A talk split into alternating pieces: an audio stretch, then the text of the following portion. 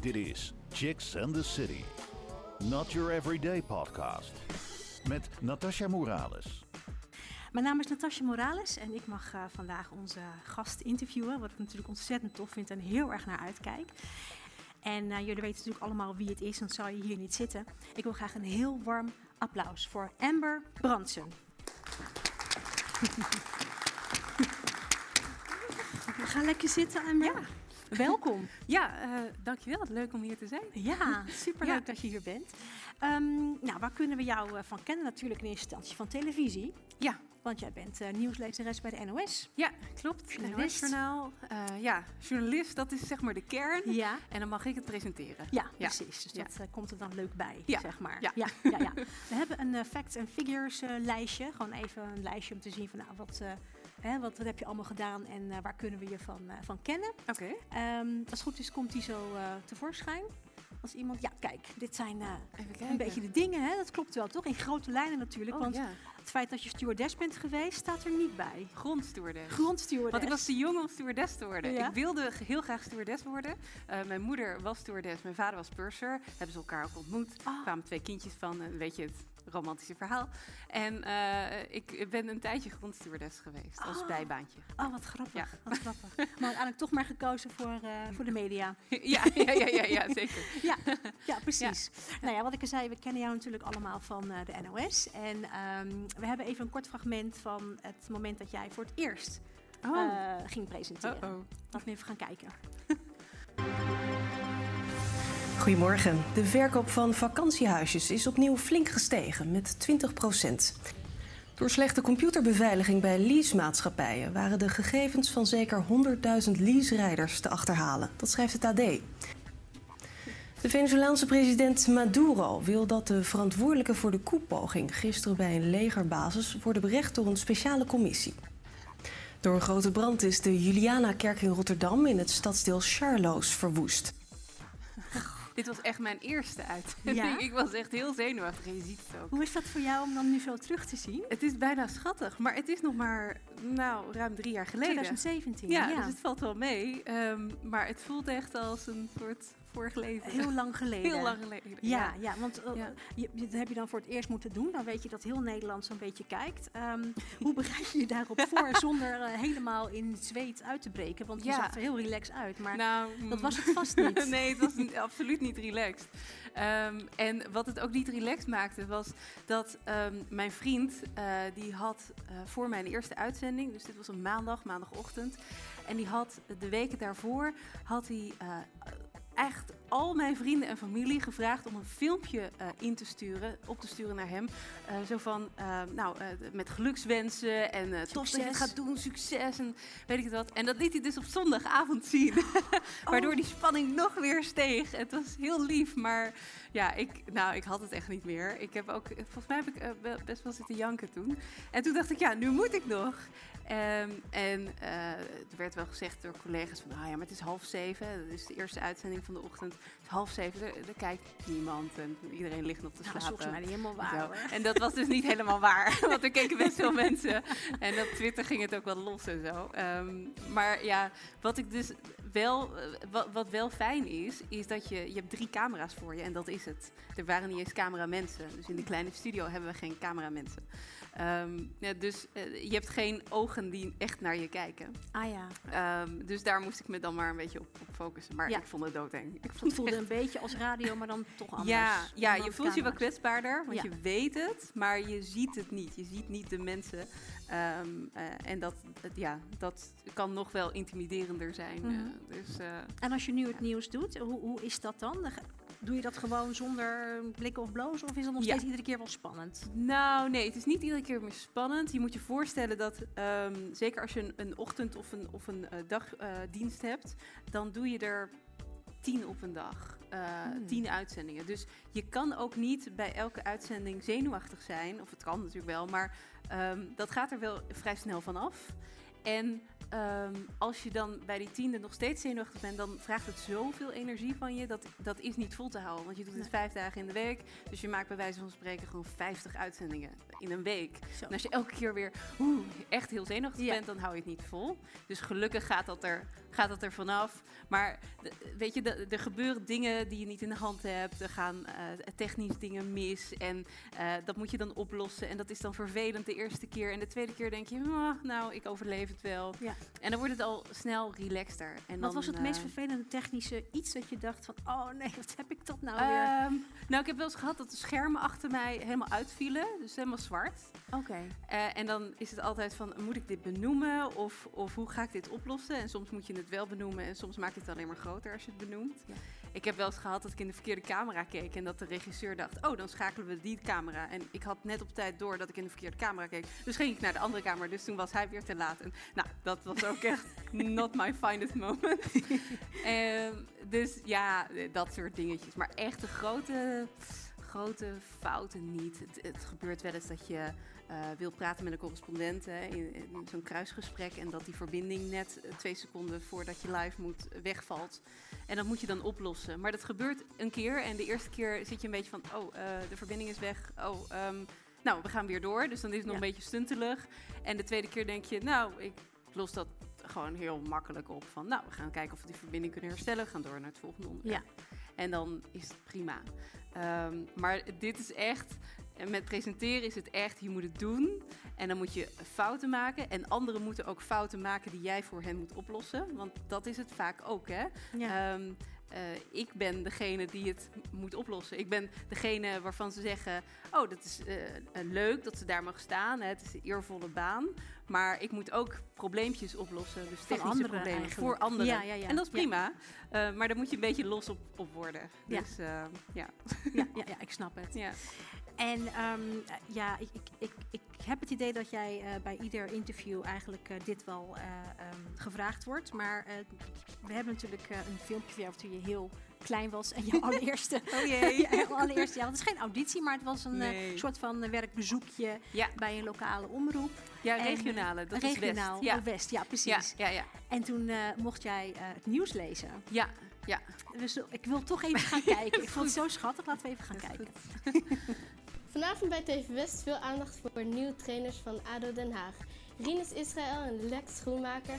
En wij hebben vanavond via de telefoon met beide een personen een gesprek. Ook reacties van de spelers, supporters en de directie. Verder aandacht voor de blokkade van boze boeren bij, op de snelweg A12 bij Zoetermeer. Ze zijn boos vanwege volle stallen. En we volgen een stomme film in een kerk, begeleid door een kerkorgel. Deze onderwerpen en nog veel meer vanaf kwart over zes bij TV West.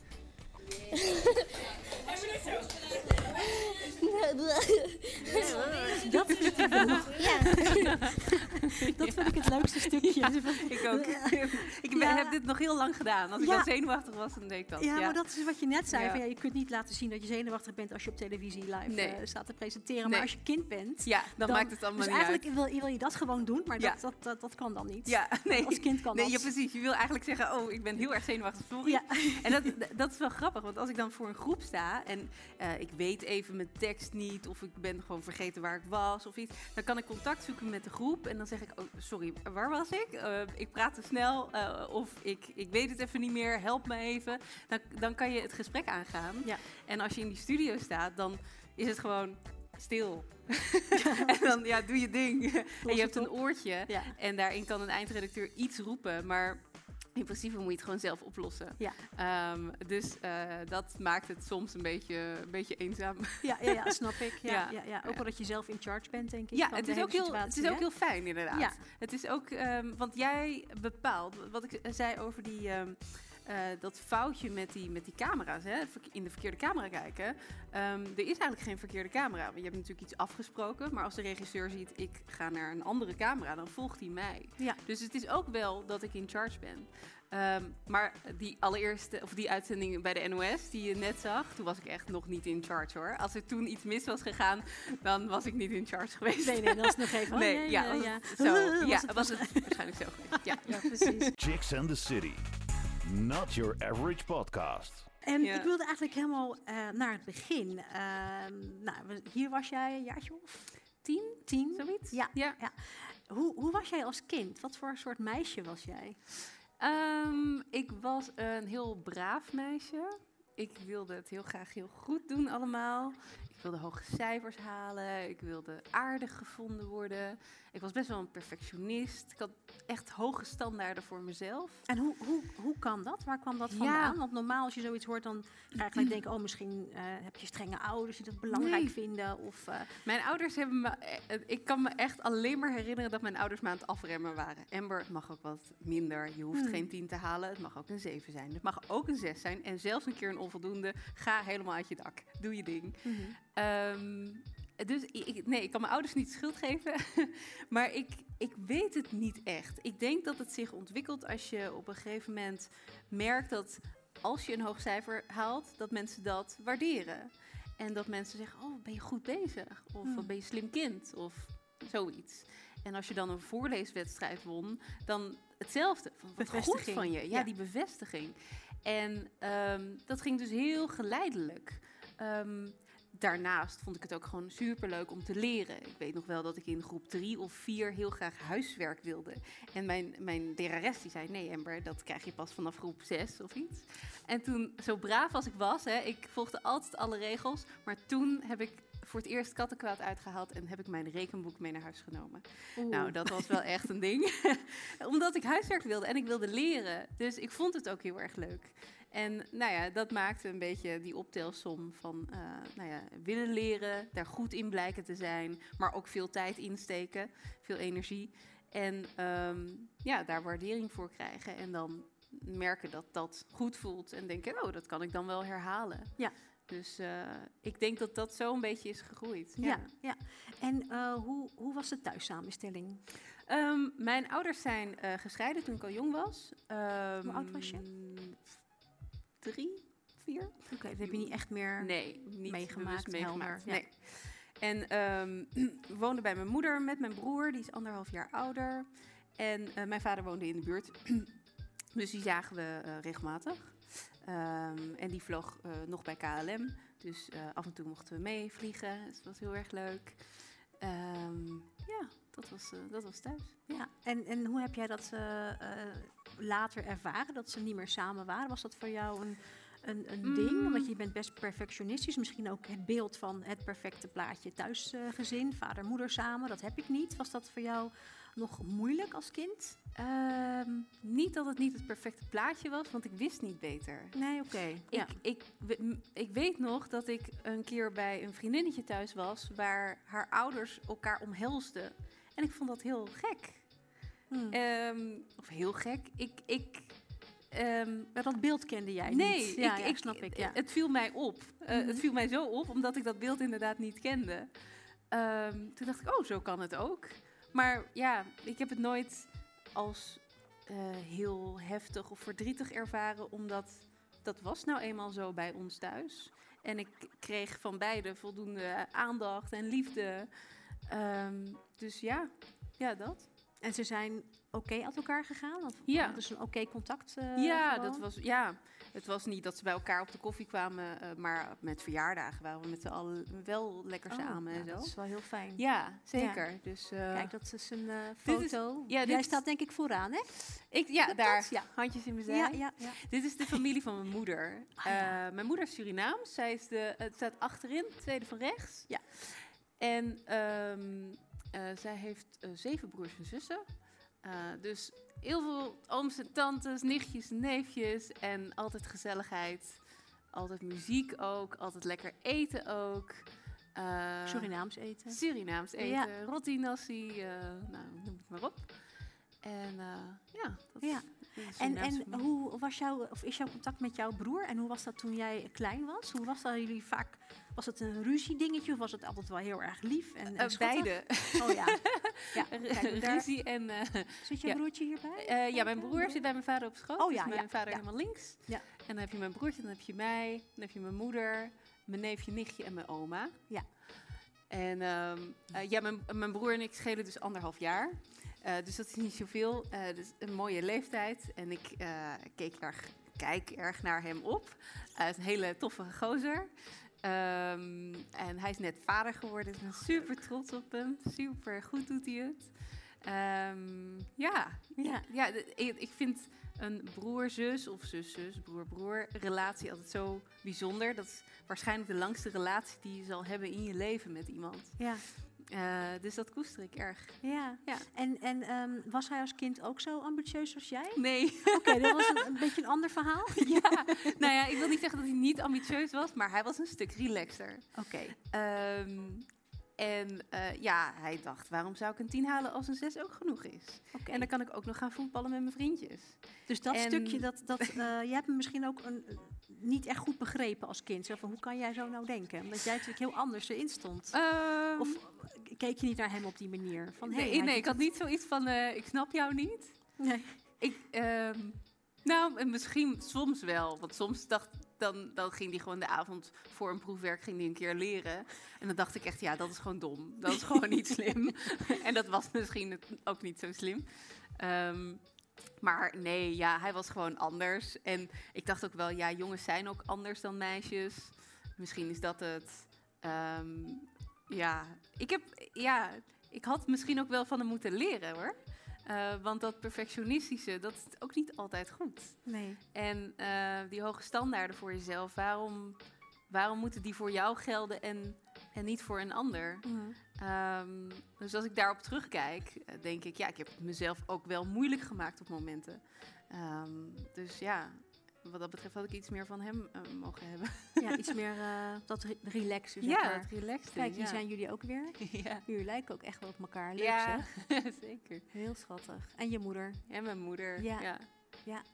En je hebt een hele leuke vriend, Ja. Rashid. Ook dat? Ja. ja. Gaan jullie ook trouwen een keertje binnenkort? Oh, dat weet ik niet. Ja, komt dat- natuurlijk nu een baby aan. ja, ik hint er soms een beetje op. Schat, als je kijkt. nee, ja, dat, het gaat vast een keer gebeuren. Dat is hem. Ja. Ja, het gaat vast een keer gebeuren, maar ehm, het is niet per se nu iets dat eh, Moet, ja. Dat moet. Ehm, ja, het eerste volgende project wordt inderdaad eh, de kleine meid. Dus ehm, ja, ja, want je bent nu hoeveel weken? 20. 20 dus ik ben nu op de helft. Ja. Ja. En eh, nu wordt het allemaal wat echter en zo. En Ja. eh, ben je bezig met een kinderkamer en kinderopvang en weet ik het. Ja. Ja, het is een hele nieuwe wereld voor me. Ja, ja, ja, ja, precies. Kan je iets over Rashid vertellen? Wat Ja. is het voor een eh, man? Ehm, hij is heel lief. dat, dat ten eerste. Hij komt uit Leiden. Eh, we hebben elkaar op Twitter ontmoet. Echt zo'n internet soort, Ja, een soort pre-Tinder eigenlijk. ja, ja op, ti- eh, op Twitter ontmoet. En ehm, het klikte omdat ik op dat moment werkte bij de lokale omroep eh, in Leiden, waar hij voorheen had gewerkt. Dus ik had eigenlijk zijn baantje jaren later. En ik volgde hem. Hij was op dat moment nieuwslezer bij 3FM voor de NOS. En ik volgde hem. Ik vond altijd dat hij zo'n prachtige stem heeft. Dus ik ben eigenlijk op zijn stem gevallen in eerste instantie. Eh, en toen ben ik hem gaan volgen. Hij volgde mij terug. En eh, nou, ja, we kwamen dus in gesprek. En ehm, eh, op een gegeven moment kwam hij naar Leiden voor een schoolbezoek namens de NOS. Ging dus naar een school om daar leerlingen te leren nieuws te maken. En ehm, de, eh, mijn baas bij Unity FM, die, die lokale omroep, die kreeg daar lucht van. En die wist dat wij aan het twitteren waren, echt heel pril. En die zei, eh, moet jij Rashid niet interviewen voor Unity, want hij komt naar Leiden. En ik zo, nee, joh, dat ga ik niet doen, want ah, dat, ik schaam me dood. En, maar ja, hij heeft me toch zo ver gekregen dat dat gebeurde. Dus ons eerste echte gesprek staat op band en is ook uitgezonden. Oh, wat leuk. Dus als we ooit gaan trouwen, dan komt dat vast weer terug. Ja, oh, ja. wat mooi. ja. en toen hadden we elkaar dus nog nooit eh, echt ontmoet.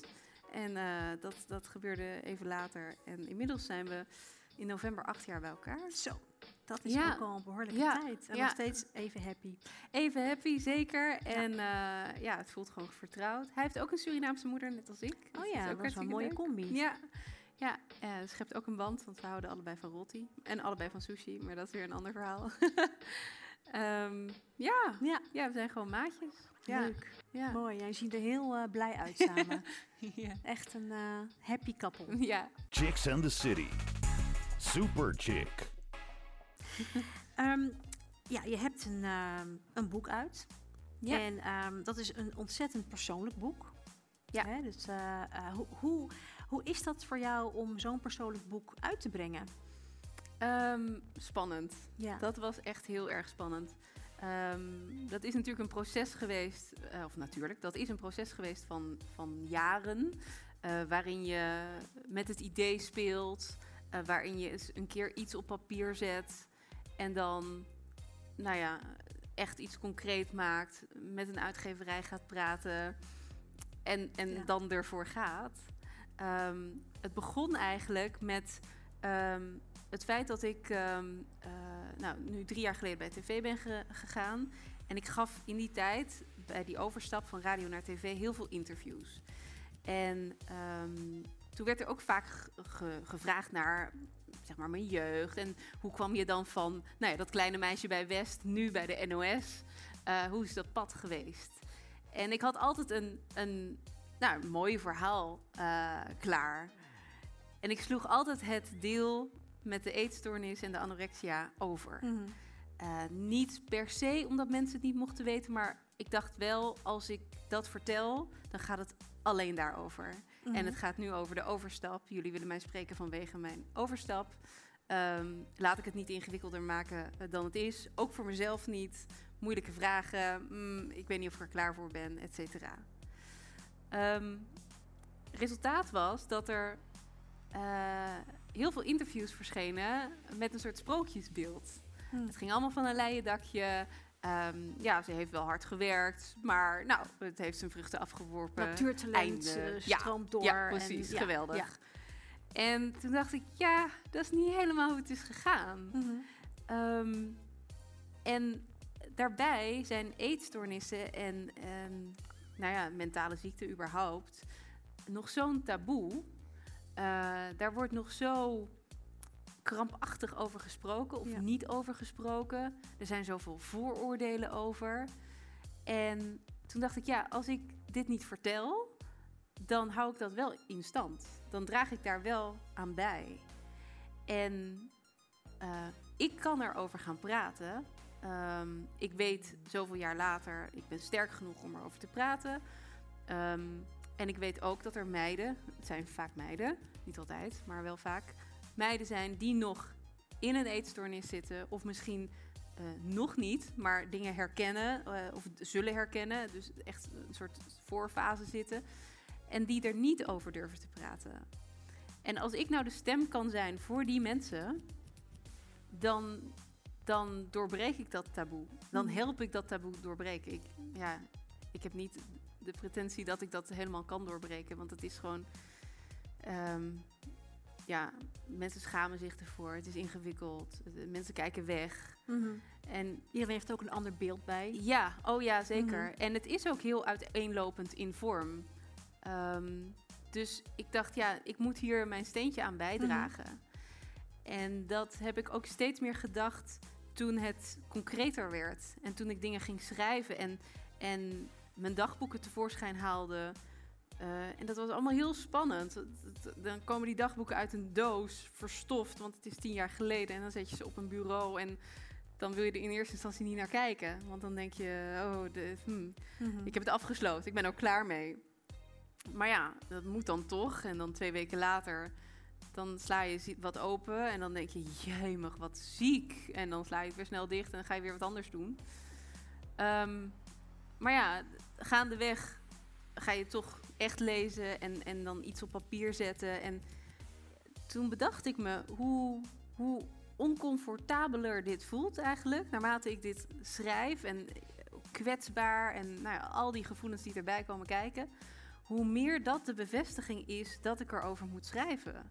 Want waarom is het oncomfortabel om over een mentale ziekte te praten? Of waarom moet dat het zijn? Mhm. Als het een lichamelijke ziekte was geweest, dan, dan Ja. was er geen taboe geweest. Dan had ik dat gewoon mogen vertellen.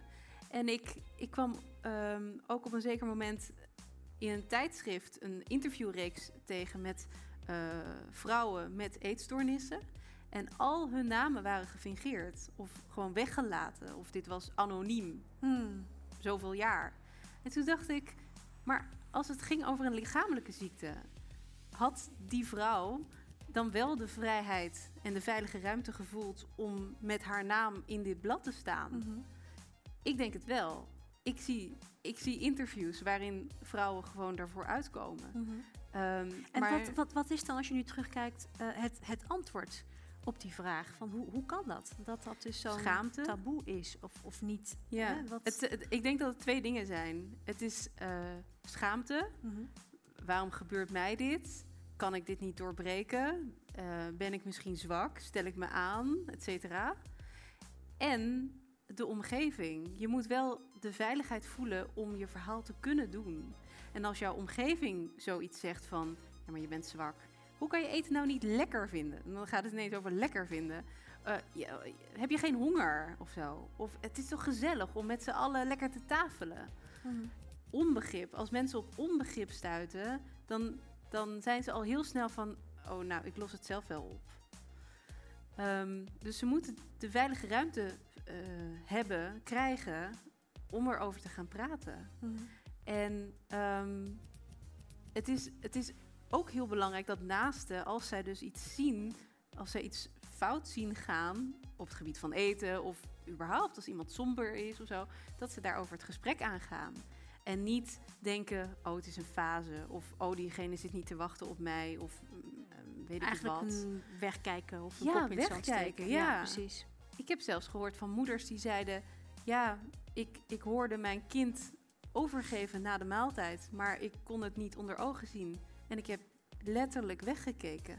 Ach, En dan breekt mijn hart. En dan, ik neem hen niks kwalijk, want ik weet ook hoe moeilijk het is voor een ouder om ermee om te gaan. Hè? Dus aan de ene kant alle begrip, en aan de andere kant, het is zo schadelijk om er niet over te praten. Ehm, en dat soort voorbeelden, ja, die bevestigen ehm, waarom ik dit boek moest schrijven. Maar niet alleen ik, waarom gewoon mensen erover moeten praten. Mhm. En hoe meer we erover praten, hoe normaler het wordt. Eh, het is natuurlijk een ziekte, dus het is niet normaal. Maar je moet er wel over kunnen praten. Dat moet wel normaal worden. ja. En ehm, eh, het, is niet, ehm, het is niet onschuldig om er niet over te praten. Het is echt schadelijk. Ja. Ja. Want als mensen geen hulp zoeken, dan denken ze, nou dan doe ik het wel alleen. En met anorexia en heel veel mentale ziekten is dat gewoon geen optie. Nee, je hebt echt hulp nodig. Ja. Als je ook terugkijkt, dan denk je, zonder hulp was het maar niet gelukt. Ja, en ook, ik heb te laat hulp gevraagd. Omdat ik ook dacht, ehm, ik kan dit wel alleen. Dit wordt eh, nooit zo erg. Ehm, en ik had ook mijn vooroordelen. Eh, mensen met anorexia willen gewoon dun zijn. Ja, dat is helemaal niet mijn doel. Ik was hartstikke depressief en zocht een manier om daarmee om te gaan. En om controle te hebben over iets. En dat werd Mhm. dan het eten of het niet eten. Ehm, maar ik had niet in de gaten hoe erg het zou kunnen worden. Totdat mijn moeder veel later bij de huisarts was geweest, thuis kwam, bijna huilend, zei: eh, De huisarts zegt: ehm, Dit is doodsoorzaak nummer één onder jonge meiden. Mhm. En ook het lichaam eet zichzelf op en het hart is ook een spier. En op een gegeven moment is het gewoon klaar. Mhm. Ehm, dus Het is nog steeds heel moeilijk om over te praten als ik je zo hoor. ja, het is nog nee, vooral als ik het over mijn moeder Ja, heb. snap ik. Ja. Ja, want je hebt daar veel verdriet gedaan. Ja, Op dat moment natuurlijk. ja, ja. Het is, het Ja. is op sommige momenten, denk ik, misschien wel heftiger geweest voor mijn ouders. Omdat Mhm. die langs de zijlijn stonden en maar moesten... Ja, ze konden een luisterend oor bieden, ze konden liefde geven... Maar qua behandeling moesten ze het aan iemand anders overlaten. En dat is ook hoe het moet zijn. Maar het is wel heel zwaar voor, Mhm. voor ouders. Want die willen alles uit handen, die willen de pijn overnemen. Liefst, ja. Ja, en, maar dat kon niet. En ehm, ja, dat is, dat is. Als ik ergens nog moeite mee zou hebben, dan is het dat. Als ik daaraan terugdenk. Ja. Ja, Ja. snap ik. Ja. Heb je nog wel, denk ik wel, vaak nog met je moeder over gehad? ja. Die situatie en Ja. eh, hoe dat toen was. En Ja. Hoe, hoe, ja, hoe staan jullie daar nu samen in? m- mijn moeder vindt het ehm, nog wel moeilijker om over te praten dan ik. Hm. Denk ik soms. Ja. Eh, die vraagt zich af: eh, heb ik het wel goed gedaan? Had ik niet meer kunnen doen om te Mm. voorkomen dat je dit en dit zou overkomen? En dan zeg ik altijd: Mam, je hebt het helemaal perfect gedaan. Ik weet niet wat je beter had kunnen doen. Weet je wel? Eh, want er, er is geen perfect en je, je hebt alles aangegrepen, aan hulp gezocht. wat er te vinden was en wat je kon doen. En je was geweldig. Mm. Maar dat is voor haar niet, niet genoeg, want haar kind heeft pijn gehad. Mhm. Dus dat heeft ze niet kunnen voorkomen. Dus dat is dan haar fout of zo. En Het blijft moeilijk voor haar. dat is heel moeilijk, ja, Ja. Voor, voor elke ouder. En dat Mhm. merk ik ook aan de reacties die ik nu krijg. Ik krijg superveel reacties, ook van ouders op het boek, ehm, die, die mij vragen om, om antwoorden. Of Eh, advies, of, of wat advies moet ik en doen. tips. En ja, Mhm. En dat is natuurlijk heel moeilijk, want ik ken hun kind niet. En ik ben geen arts. Ik zeg altijd, ik ben ervaringsdeskundige op het gebied van één ervaring. En dat is het. Mhm. Ehm, maar ik snap de wanhoop. En die wanhoop spreekt uit zoveel berichten die ik krijg. Wat moet ik doen? Mijn dochter van nou, soms elf Mhm. eh, heeft problemen met het eten. He- Help, wat moet ik doen? En het enige wat ik kan doen is... geef er aandacht, liefde, luisterend oor... en ga naar de huisarts. Mhm. Ga altijd professionele hulp zoeken. En denk niet, oh, het is een fase, eh, een soort puber of, of iets in die richting. Kijk niet weg. Ja. Eh, beter een keer te veel hulp gevraagd dan, dan, eh, dan niet. Mhm. Ja. Chicks and the City. Not your average podcast. En nu het boek er dan zo is, uit beeld, ehm, voor wie is het boek? Is het, ja, voor, voor wie Ja, is dit boek? heel goed? breed. Ja. Ehm, ik heb eigenlijk met een heel bescheiden ambitie eh, het boek geschreven. Eh, wat ik zeg, één ervaring. Ik gooi het de wereld in.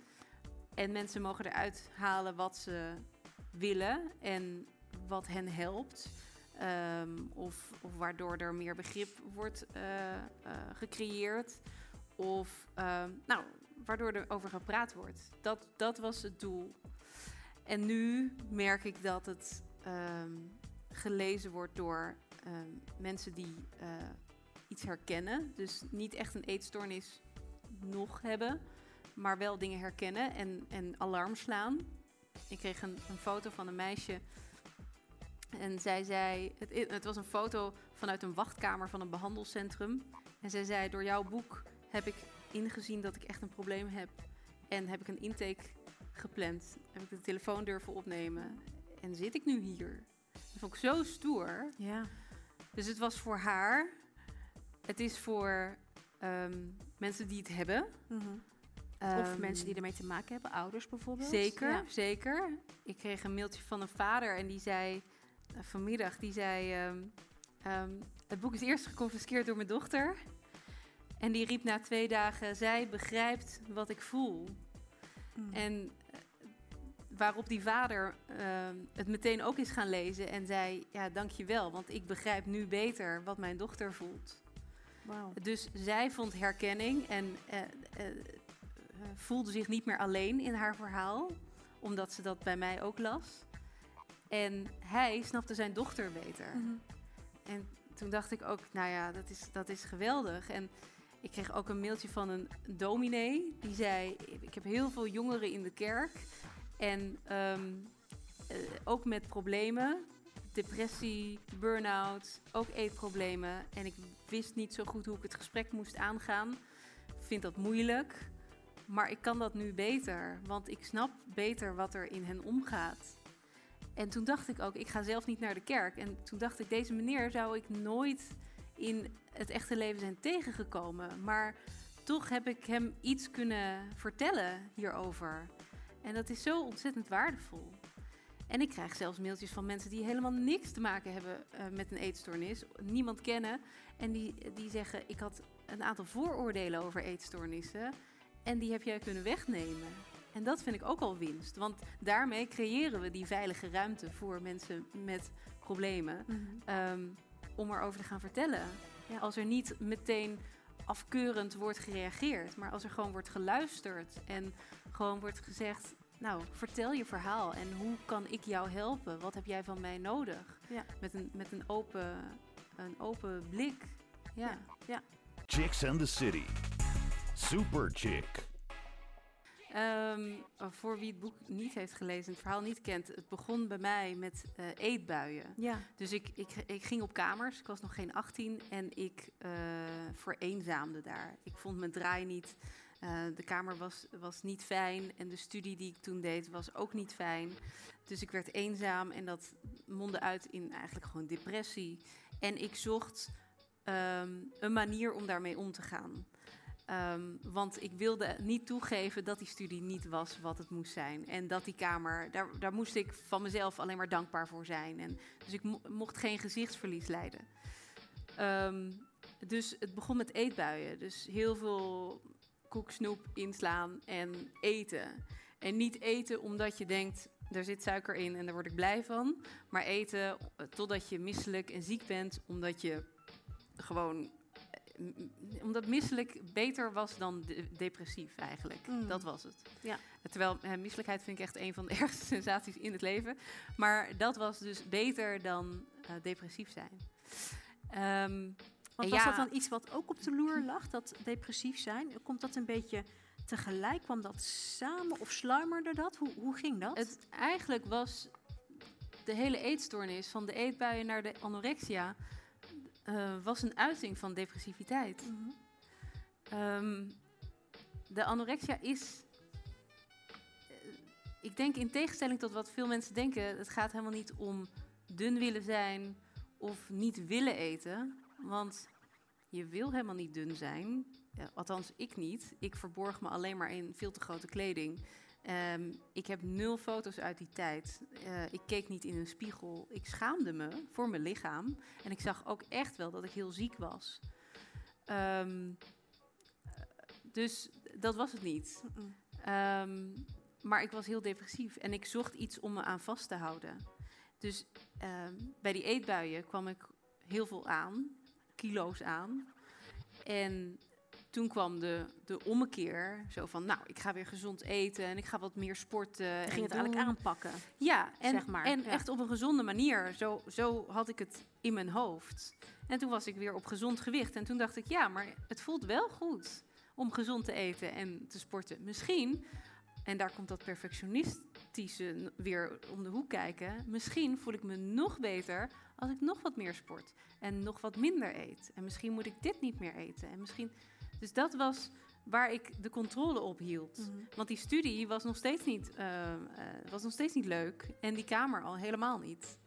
Wat dus, was er mis uh, met, met die kamer dan? Want je hebt het over die kamer, die was niet leuk. Dus daar ja. was iets niet leuks aan. Ja, ik, ik kwam uit Zoetermeer en ik ging mhm. in Amsterdam studeren. En um, in Amsterdam is er woningnood. Dus um, ik had een kamer bij iemand ja, via via. En ook nog eens in Duivendrecht. Dus niet eens in Amsterdam. Uh, echt in een, ja, een troosteloze flat. Maar ik was heel erg dankbaar voor de plek die ik daar had. Dat ik daar kon zijn. Um, en ik vond ook dat ik dankbaar moest zijn. Um, maar het was de kamer van iemand anders geweest. Van een van haar kinderen geweest. Bij degene bij wie ik inwoonde. Dus je moet je voorstellen dat je... Nou, je wordt gewoon als 17-jarige opgepakt uit je leven. En dan ergens neergeplant. Zit in een hele vreemde omgeving. Uh, zonder je familie en vrienden. Um, en dan moet het maar leuk zijn. En dat was het niet. Uh, want die vrouw uh, was er bijna nooit. En het was winter en koud en kil. En ja, ik voelde me daar niet op mijn gemak. En je was natuurlijk gewend dat het gezellig was thuis. Ja, en, en warmte. En, uh... Ja, dus ik was echt een soort van ontheemd. En die studio, studie, dat was media en cultuur. En ik wilde de media in. Dus ik dacht, nou, geen betere studie dan dat. Um, maar dit was heel theoretisch over media. Dus we leerden allemaal filmtheorie over Hitchcock en weet ik het wat. En dat was ook niet mijn cup of tea. Ik wilde interviewen, ik wilde echt journalistiek bedrijven. En dat deden we niet. Dus ik, ik realiseerde me steeds meer dat ik gewoon een verkeerde studiekeuze had gemaakt. Maar ja, Amber moest perfect zijn, dus die maakt geen verkeerde studiekeuze. Dus blijft uh, Amber maar in precies, de keuze hangen. Blijft ze dat maar ja. gewoon doen en heel hard roepen dat het hartstikke leuk is en interessant is en, en alles. Um, dus daarin zet ik mezelf gewoon heel erg klem. Ja. Dat, dat, en, en maak ik mezelf, uh, maakte ik mezelf weer heel erg moeilijk. Ja, ja. dat is wel een soort terugkerend thema. Ja. Ja, want uh, ho hoe lang is dat doorgegaan? Dat, dat die hele situatie waar, die je nu uh, omschrijft, ho hoe lang heeft dat geduurd, die, die periode? Um, ik heb ongeveer anderhalf jaar gestudeerd. Mm -hmm. uh, maar de problemen begonnen al nou, in maand twee, denk ik, met die Mm. eetbuien. Die periode is vrij kort geweest. Twee, drie maanden. Toen was de omslag. En, eh, toen ontwikkelde ik uiteindelijk anorexia. Maar dat was een heel geleidelijk proces. En misschien was het geleidelijke ook wel het gevaarlijke ervan. Omdat ik niet door had dat ik het eigenlijk niet meer kon stoppen. Hmm. Eh, natuurlijk, eh, wanneer je onder je startgewicht zeg maar, zit, weer terug, ehm, dan weet je, oké, ik word nu wel dun, maar het voelt goed. En morgen kan ik wel weer normaal eten. Dat Mhm. dacht ik. Morgen kan ik het normaal doen. En ik wist niet dat dat niet kon. Dat ik dan in paniek zou raken en dat ik dan eh, huilbuien zou hebben. Want ik had niet meer die controle Hmm. die uitlaatklep eigenlijk, die ik zocht in dat niet of weinig eten, veel sporten. Ehm, en dus ja, dat ging heel geleidelijk, ging dat bergafwaarts. En wanneer is dan het moment geweest dat jij je besefte van... eh, ik heb een probleem? Want het is natuurlijk ook een soort erkenning wat je dan eh, Ja. eh, hebt. Ja, Ehm, ehm, maar ik kan me voorstellen dat er ook een tijd is, een periode is, dat je gewoon dat een beetje ontkent misschien. ja. Ehm, dus wanneer was dat moment en hoe ver in de, in, in de tijdlijn was je toen? Of stond je toen? Ik denk dat ik na één jaar studeren was ik al best wel ver heen. En toen ging ik het toch proberen in dat tweede studiejaar. En ehm, al vrij snel was er een moment dat ik een, eh, presentatie moest doen met iemand. Eh, dat was eh, wetenschapsfilosofie, moeilijk vak. En ik kon me niet concentreren. Ik kon de stof niet meer tot mij nemen, want ik was gewoon ondervoed. Ik at gewoon nauwelijks. Ja. En ik was moe, want je bent gewoon uitgeput. Ik had nog twee bijbaantjes en ik werkte tot 's avonds laat. Ik sportte dan. Eh, Ik weet nog, ik deed het licht aan in de sportschool van de, van de, eh, ja, van de universiteit. Hmm. Deed ik gewoon zelf het licht aan en, de- en de muziek aan. Dat is eigenlijk gewoon, dan weet je dat je te vroeg bent. Ja. Maar ehm, eh, ik was zo op dat ik eh, die presentatie, ik zag dat voor me. En ik heb ge- ge- gemaild, geloof ik, naar mijn studiemaatje waarmee ik dat moest doen. Ik zei, ik ga het gewoon niet doen. Ik ga het gewoon niet doen. Dat was ongeveer de tweede keer dat ik, dat ik ehm, van de regels afweek in mijn leven. Ik ga het niet doen. Mhm. En toen had ik binnen 10 minuten een on- ontzettend kwaaie docent op mijn dak. Ja, je verliest je herkansing. En ik had die herkansing heel hard nodig, want het was een super moeilijk vak. En toen dacht ik, nou, dit is het dan. Nu is het dan klaar. Nu, ik kan het niet meer. Ik geef me, ik geef me een soort van over. En ik heb die dag ook nog per mail mijn bijbaantjes opgezegd. Of eigenlijk gezegd, ja, ik, ik heb even wat ruimte en tijd nodig. Maar ik wist natuurlijk al lang dat ik best wel lang Mhm. nodig zou ja, hebben. dat het te lang door was gegaan. Ja, en toen ging ik terug naar mijn moeder. Ehm, maar ik zeg wel dat ik me een soort van overgaf, maar dat was ook weer niet helemaal waar. eh, waar jij mee begon met eh, dat baantje als grondstoerdes. Dat kwam toen. Eh, want ik dacht, als ik nu thuis ga zitten, dan gaat het gewoon helemaal mis. Dan ga ik echt in mijn bed liggen en dan, dan, eh, dan word ik nog depressiever. En dan trek ik een deken over mijn hoofd en dan ga ik wachten totdat het over is. Ja. En dat wilde ik niet. Want ik ging wel eens laten zien dat ik, ja, ik kon dit heus wel aan. Ja. Dus toch een beetje kop in het zand. En ehm, ik solliciteerde dus naar een baan als grondstoerdes bij de KLM. En als ik had mogen vliegen, had ik daarnaar eh, gesolliciteerd. Ehm, en ik had nog niet eens een rijbewijs dat wel verplicht was. Dus ik zette ineens weer alles op alles om dat dan te bereiken.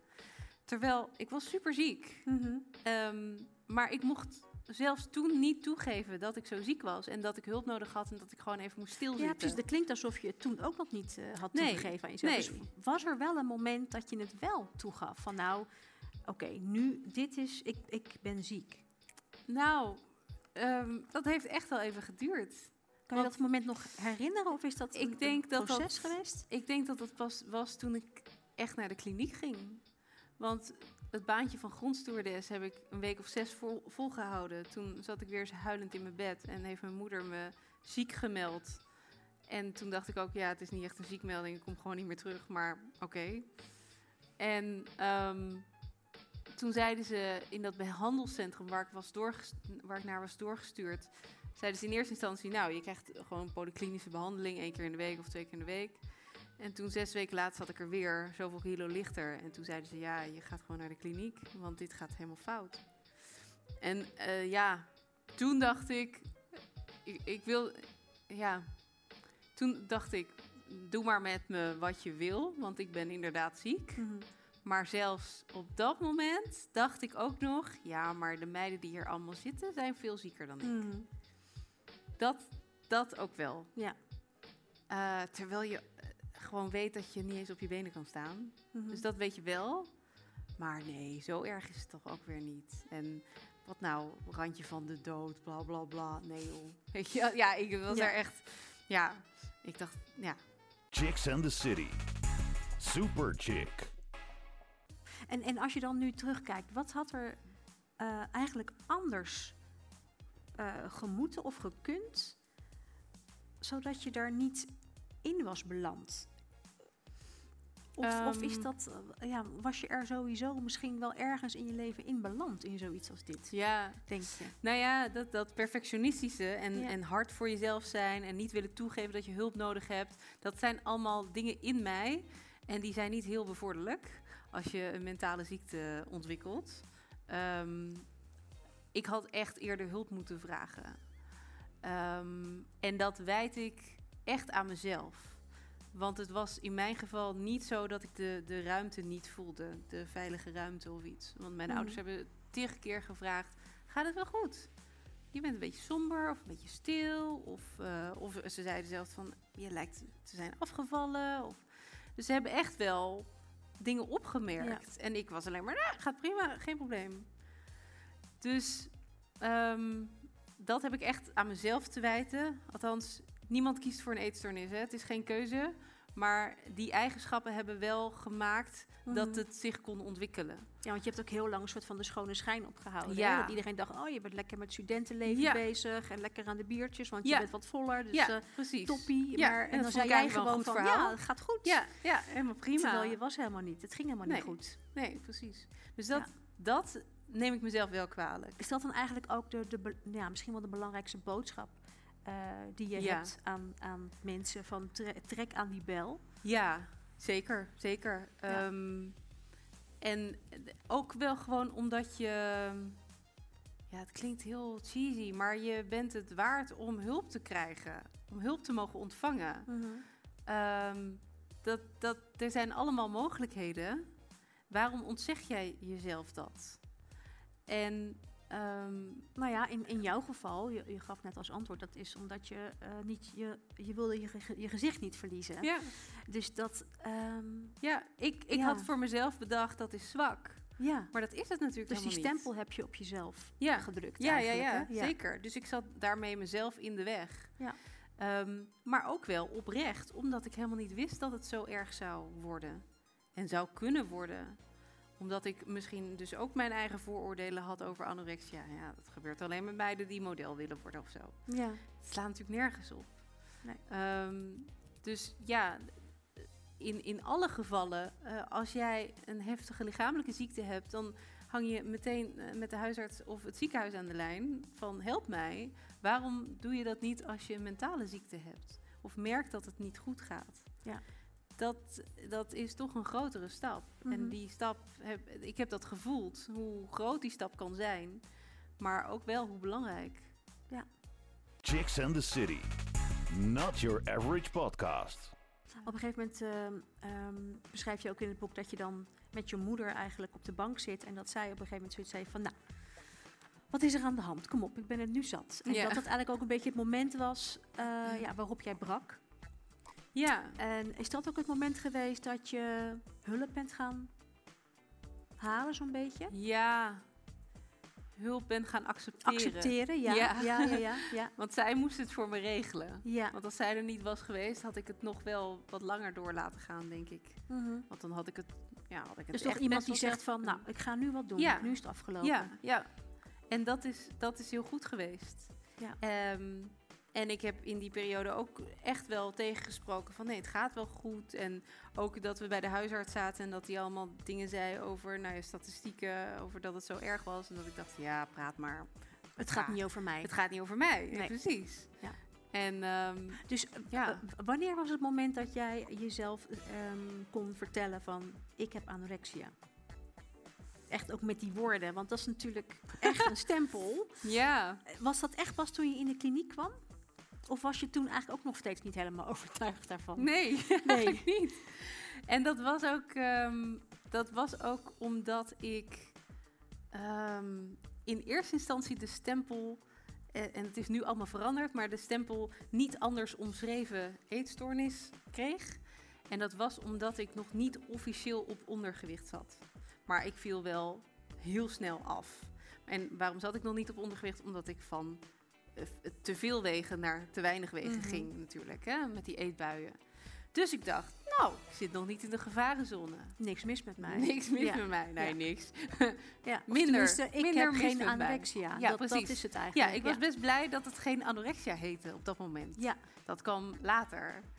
Ehm, dus ik heb dat woord eh, in die periode ook niet zoveel gebruikt. Of nee, zo. het was gewoon een eetstoornis. Ja, eetstoornis, problemen met eten, Ja. zoiets. Of Ja. gewoon, ja, mensen wisten het gewoon. Dus ja. Maar ik vond anorexia wel een groot woord of Ja. zo. Ja. Dus dat heb ik zelf niet zo heel erg. eh, nee. En toen ging je dus naar een kliniek, daar werd je opgenomen. En ehm, nou, dan, dan, dan zou je zeggen, daar zitten allemaal professionals die weten hoe ze dat moeten aanpakken. Eh, Ja. Maar toch vond je dat daar niet fijn. Nee. Nee, en En dat, heeft het voor jou niet geholpen, Nee. geef je aan. Nee. Kan je dat uitleggen? ja, dat was eigenlijk tweeledig. Ehm, je moet je voorstellen, je zit daar ehm, van maandag tot met vrijdag. En dan mag je in het weekend naar huis. Ehm, eh, zit je daar, eh, slaap je daar met twintig meiden in dit geval. En die hebben allemaal een eetstoornis. En dat kan zijn anorexia, bulimia, niet anders omschreven. Ja, dat was het spectrum. Ehm, maar iedereen heeft problemen met eten. Het idee is dat je daar steun aan hebt. Ehm, en dat heb je in zekere zin ook wel. Eh, want, ehm, nou ja, wat ik ook zeg, de buitenwereld vindt eetstoornis vaak, vaak ingewikkeld. Want eten is toch lekker, het is toch gezellig met elkaar eten. snappen dat niet. Ja. Snappen het niet. Dus je, je vindt daar wel gehoor. Dat kan je helpen. Aan de andere kant, en daar had ik het meest last van, is iedereen ziek. En kunnen wij, konden wij elkaar niks leren op het Mhm. gebied van normaal eten. Ehm, eetgestoorde trucjes, eetgestoorde gedachten, onzekerheden Mm. omtrent het eten, die kwamen allemaal voorbij en maakten mij alleen maar onzekerder. En ik ging ook eetgestoorde trucs overnemen. Ehm, nou, stel je voor, je zit met, eh, nou, we zaten dan met negen mensen aan een tafel en dan moet je zoveel opscheppen, want dat zijn de regels. En dan zie je dat iemand een lepel doperwtjes pakt en daar, oh oeps, een beetje vanaf laat vallen voordat ze het op haar bord schept. Het Mm. gaat over niks. Maar als je dat ziet en bij iedereen ziet, denk je, oh, dat moet ik ook doen, want dat, daar kom je mee weg. En Ja. dat, dat vindt mijn eetstoornis prettig. Ehm, en natuurlijk, je zit daar voor jezelf en eh, het Ja. gaat helemaal nergens over. Ehm, maar zo ziek en zo ver heen Ja, ben er je. zit eigenlijk te veel gelijkgestemden en daar, Ja. daarmee help je elkaar gewoon ik eigenlijk had, gezonde, niet. ik had gezonde voorbeelden nodig. En Ja. die vond ik daar niet. Nee. Dus dat was eh, het eerste deel, zeg maar, eerste stuk dat niet werkte voor mij. Ten tweede, ehm, nou ja, je zit met z'n allen in die kliniek en zij hebben een behandelplan van negen maanden voor je bedacht, voor iedereen bedacht. En dat doorloop je en na negen maanden mag je weg. Ehm, en dan is er een soort vervolg, maar dan ben je wel weer op gezond gewicht en een stuk verder. Dat is het idee. Eén keer in de week krijg je een uurtje met een psycholoog.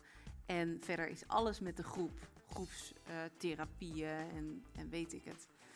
Ehm, op het moment dat ik vroeg om meer individuele aandacht, eigenlijk vroeg ik gewoon om aandacht, zeiden ze: Ja, maar dat is niet de bedoeling. Dat is niet het beleid. Hmm. Beleid is: één uurtje krijg je, de rest doe je lekker met de groep. En ik verzoop in die groep. Ik had meer één op één nodig. En dat waren niet de regels. En dat voelde zo als een afwijzing eh, dat ik dacht: oké, ik zit hier vijf dagen in de week, dag en nacht. Ehm, negen maanden lang, dat was dan het idee. En ik vraag nu concreet iets waarvan ik weet dat het mij gaat helpen. Dat jullie mij daarmee kunnen helpen. En je zegt gewoon nee. Ja. Omdat het niet de regel is. Ja, dan zie je ik mij te denken. Ja, je, je, je vraagt eigenlijk om hulp. Ja, Eindelijk trek Ja. je aan die bel en Ja, dan wordt er precies. geen gehoor aan gegeven. Op een Precies. plek waarvan je zou verwachten dat ze er exact. voor je zijn en Exact. het snappen. Ja. Ja. En, en wat ik ook zo tekenend vond, was dat zij... ehm, nou ja, ik was heel erg teruggetrokken en ziek en nou ja, een hoopje ellende. En zij zeiden... ehm Amber, je moet een training sociale vaardigheden gaan volgen. Want je bent niet zo sociaal. Je komt niet zo goed mee in de groep. En toen dacht ik... In eerste instantie dacht ik, ik snap wat je bedoelt. Want ik zeg niet zoveel, want ik ben heel erg ziek. Maar ik ben heel erg ziek en daar moet jij doorheen prikken. Ja. En jij moet eigenlijk zien dat er een heel sociaal meisje hier voor je zit. Maar ze kan het niet, omdat ze nu niet de hulp krijgt die ze moet Nodig hebben. heeft, Ja. En dan ga je niet oplossen met een training sociale vaardigheden. Misschien moet je gewoon de depressie aanpakken en gewoon met mij praten van mens tot mens. En niet van behandelaar tot zieke. Of, of praten met de ziekte. Uh, Mhm. van ja, je moet een bord pasta eten en je moet zoveel aankomen. Misschien moet je eens gaan zien wie ik ben en wat ik nodig heb om beter te worden. Ehm, en ik vond dat zo, dat voorstel, het staat me zo bij. Ik vond het zo tekenend voor niet gezien worden. Ehm, Oké, die is teruggetrokken, die moet een training sociale vaardigheden. Heel simpel eigenlijk. Heel simpel. Een, een Ja. soort van hokjes. Ja, die moet ja daar. dat, is de oplossing. Ja. Dan komt het goed. Ja. Dat was echt dat ik dacht, jullie weten het eigenlijk ook niet, hè? Ja. Dat dacht ik echt. ja. Jullie weten het ook niet. Ja. En, en toen werd het me wel heel duidelijk dat dat niet de plek was. Nee. Ja. En wat, wat, wat ben je toen gaan doen? Wat is er toen gebeurd? Ehm, toen ben ik eh, eigenlijk weggestuurd. Ehm, je moet aankomen eh, in gewicht, want je hebt eh, een te laag gewicht. Dus er, wordt, er worden afspraken over gemaakt hoeveel je per week moet aankomen.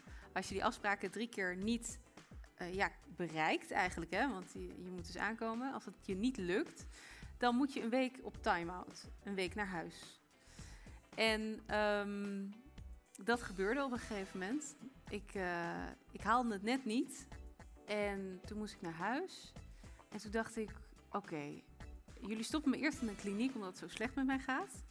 Vervolgens leggen jullie mij allemaal regels op eh, om aan te komen, om het beter te laten worden met mij. Dat lukt mij niet. Met andere woorden, ik ben echt zieker dan ooit. En dan zeg je, nou, ga maar een week naar huis. Ja. Ik vond dat zo risicovol en, en ongeoorloofd eigenlijk. Mhm. Ik werd er naarmate die week vorderde steeds bozer over. Ik heb het idee dat je nog steeds een beetje boos bent als je ja, erover ik, praat. ja, want die, Ja. die beslissing vond ik, eh, het voelde als een soort onrecht. Ja. Een soort van, ja, ja ga maar nadenken over je zonde beetje of zo'n zo. straf. Zo Ja, van, eh precies, Amber stout geweest. Ja, En- ja. ja. Ja. Ja. Zo van, nou, je- je moet hier zoveel eten. Ehm, het, het kan haast niet dat je daar niet genoeg mee aankomt. Je hebt vast gesjoemeld. Dat zat er allemaal onder voor mijn gevoel, Ja, zeg je maar. hebt allemaal dingen verkeerd gedaan Ja, eigenlijk. ja. ja.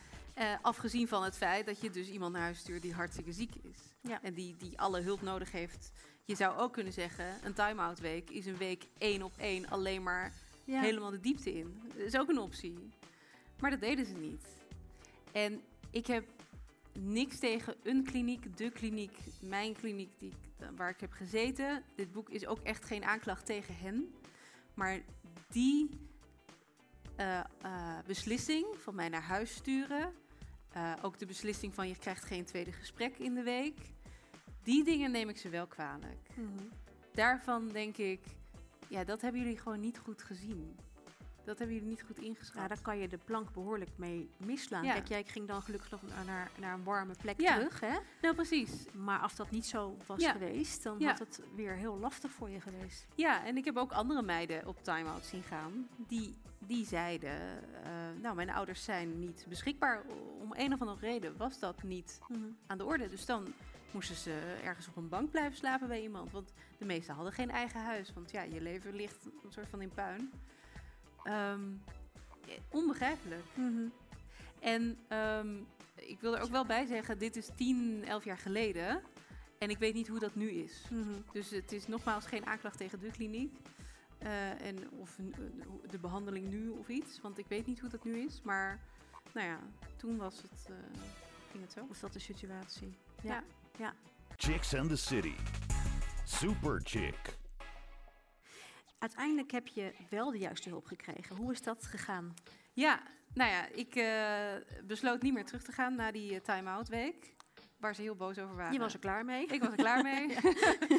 dus eh, ja, dat voelde wel bevrijdend. Maar toen was de grote vraag, ja, en nu? En Want nu, je bent ja. hartstikke ziek nog steeds. Toen, had je Ehm, toen wel al geaccepteerd of was het toen nog steeds... Ja, Ah, ik ben niet nee, zo ziek. toen was ik wel... Toen was je- toen was ja, je het wel, toen was het wel Ja. duidelijk. Ja. En toen dacht ik ook wel, nu moet ik echt... Doorzetten, ja, even want door, anders dan gaat het echt mis. Oké. Ehm, ja, zeker. En via via eh, kwam mijn moeder eh, terecht eh, bij een, een psycholoog. Cheered noem ik hem in het boek. Ehm, Is dat ook zijn echte naam of is, is dat dan- Nee, is niet zijn echte naam. niet zijn echte naam. Ehm, en ik, het, het, het, is- het is zo grappig. Die man, het is een oudere man. Eh, nou, je moet je voorstellen, ik was begin twintig. Echt zo'n, ja, heel bleu meisje. En dat was een oudere man en een, een beetje bekakt. Ehm, had marmer op de vloer. En je zou zeggen, onze werelden konden niet verder van elkaar liggen dan daar, dat, op dat Ja. moment. Ja. En ehm, ik had het eerste gesprek met hem en eh, hij, hij sprak met mij. En dus niet als behandelaar tot een zieke. Ehm, Maar van mens tot mens. van mens tot mens. Ja. Hij zei: Oké, Amber, je bent hier, je wil daar naartoe. Dat is moeilijk, dat wordt moeilijk. En wat, wat was daar voor jou op dat nou, moment? studie, Ja. eh, op jezelf wonen, je leven weer terug. Ja. En, en die dingen, daar herinnerde hij mij aan. Hij zei: Oké, je moet allemaal moeilijke stappen zetten om beter te worden, et cetera. Maar beter worden als eetgestoorde, ja, dat, dat is zo'n abstract concept. Daar kan je weinig mee, kon ik weinig mee. Maar hij zei wel, waarom wil je beter worden? Wat is dan B?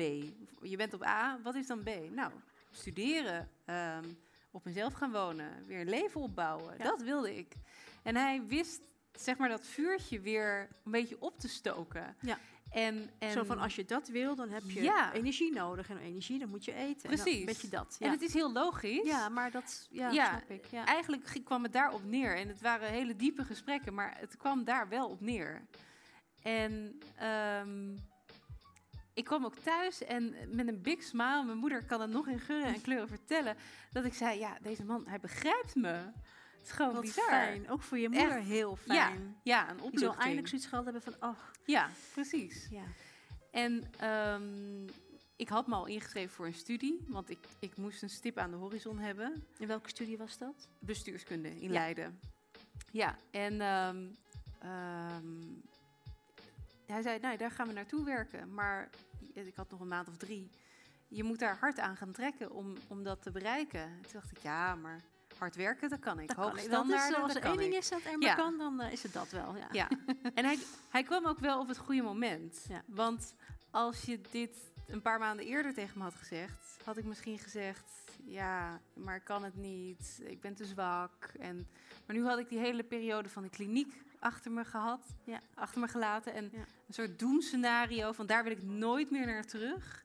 En was ik er klaar voor om echt stappen te gaan zetten. Ja. En hij zei ook, ehm, je, moet, je moet op jezelf gaan wonen. Want ik woonde weer bij mijn moeder. Hij zei, je moet op jezelf gaan wonen. En toen zei ik, ja, maar dat is wel tricky. Want als ik dan in mijn eentje moet gaan eten... is heel en- spannend. Ja. Ja. daar voelde ik me echt niet klaar voor. Nee.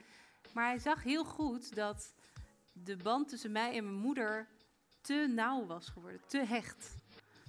En dat klinkt gek, maar dat was het, dat was het precies. Hij wilde, dat jij meer op jezelf, eh, Ja. op je eigen benen... Dat, maar hij zag ook dat ik voor mijn moeder wilde zorgen, want mijn moeder wilde voor mij zorgen. Maar mijn moeder had heel veel verdriet om die hele situatie en ik wilde haar verdriet wegnemen. Dus wat ging ik doen? doen alsof er niks aan de hand was. Het is allemaal oké, bla, Mm. bla. geen hulp meer vragen. Niet vertellen wanneer het eh, slecht ging. Niet meer eerlijk zijn daarover. Ja. En ik vond het ook heel zwaar om om te gaan met haar verdriet. Want ik Mm. wilde dat dus wegnemen. Ja. Ehm, dus dat, we hielden elkaar een beetje in een soort houtgreep wat dat betreft. Wat, wat bijzonder dan, hè? dat je dan uit, zo, uit pure liefde elkaar ook Ja. zo weer kunt dwars liggen Ja. in het stukje waar je allebei in verder moet. Ja, zeker. Ja. ja En dat, bijzonder. dat soort dingen, dat, die zag hij goed. Hij, hij zag dat. fijn. Ja, ja. En het was ook heel, eh, het was op een gegeven moment heel evident, want dan ging mijn moeder weer aan de lijn met hem, van het gaat niet goed. En, en dan zei hij heel rustig, ja, dan moet Ember mijzelf gaan bellen. Want Ember was toen begin twintig. Ja, Ja. Ember moet mijzelf bellen. En dan had mijn moeder weer, Ember, je moet hem bellen.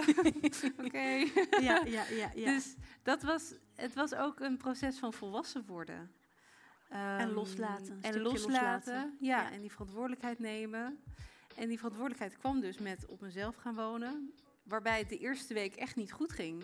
Omdat ik inderdaad dacht, eh, nou, lang leven de eetstoornis. eh, want die trekt nog heel erg. En eh, alles in mij wil minder eten, want niemand kijkt nu. En dus nu kan het. nu ja. kan het. Mhm. Ja, en na die week ben je weer helemaal uitgeput en denk je, ja, maar zo ga ik er dus niet komen. Zo ga ik die studie niet halen en zo Ja. ga ik dit huisje ook kwijtraken en alles. Ehm, en toen ben ik eigenlijk, waar je, waar je in de eetstoornis eetgestoorde trucs voor jezelf bedenkt, had ik nu een soort van anti-eetgestoorde trucs voor mezelf bedacht. Iets had met je kat te maken, hè? Met mijn kat, ja. Onder andere. Ehm, ja, het begon... ehm, ik, ik dacht... ehm, ik was heel erg bang voor de eenzaamheid. Dat dat weer terug zou komen. Ja.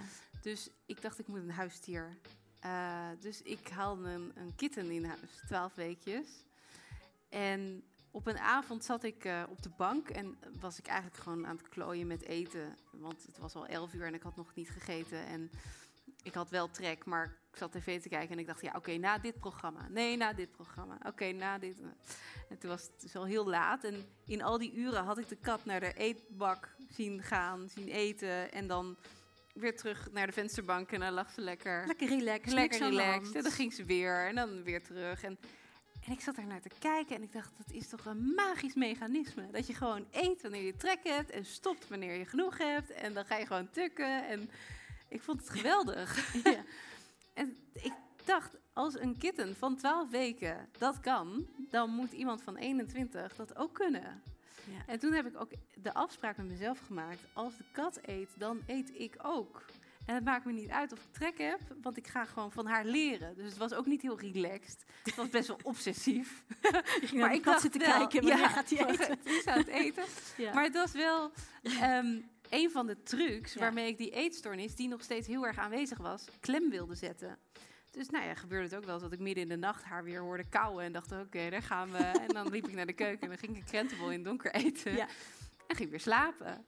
Ehm, maar zo had ik dus ook bedacht voor mezelf, zodra ik een eetgestoorde gedachte heb, dus zodra ik denk, oh, ik heb twee uur al niet gegeten en ik heb geen trek. Nou, winst voor de eetstoornis. Dacht ik, oh, dat is een eetgestoorde gedachte, ik moet nu wat eten. Ah, ja. En dan was er ook geen onderhandelingsruimte meer. Het was ook niet Ja. van, eh, eh, dan ga ik over een kwartier eten. Of dan ga ik, weet ik veel. Nee. Nee, het was, ik ga nu naar de keuken. Eerst wat ik zie, eet ik. Ja. En ik mm, hoef geen trek te hebben. Maar ik moest echt hard voor mezelf zijn. Nou, hard voor mezelf, dat had me wel ver gebracht. En ook in de, in de pine- ge- geholpen. maar eh, zo kon ik dat wel weer inzetten om mezelf te helpen dat eerste jaar. Ja. Eh, op mezelf, ja. ja. Wat Ja. mooi, wat een mooi verhaal met die kat. Echt, eh, van- hoe, hoe heet je kat? Tijger. Tijger, heb je die nog? Ja, Ja, fantastisch. ze is nu eh, elf, dus ja. ja, ja, ja, ja. ja, ja. Ik zeg ook, ze mag nooit dood. Nee, dat snap ik. Ja, Ja, dat is echt altijd ook blijven. onderdeel van jou gewoon. Ja. eh, van jouw proces en jouw Ja. leven. Heel Ja. mooi. Chicks and the City. Super Chick.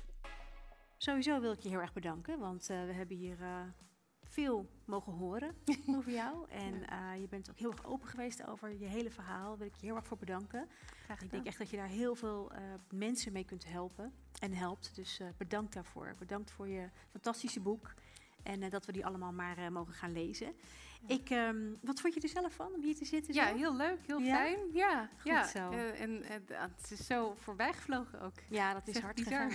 ja, ja. Ja, dat zei ik, hè? anderhalf Ja, uur is zo, gaat eh, echt zo heel voorbij snel. inderdaad. Ja, ja, heel leuk. Dankjewel voor het mooie gesprek. Jullie ook heel erg bedankt. Mhm. Mensen in het publiek, heel erg fijn dat jullie hier aanwezig konden zijn live. Mensen die hebben meegekeken live, ook heel erg bedankt. Ik ben Natasja Morales en ik vond het super gezellig met jullie allemaal. Dank jullie wel voor jullie aanwezigheid en aandacht. Dankjewel Amber.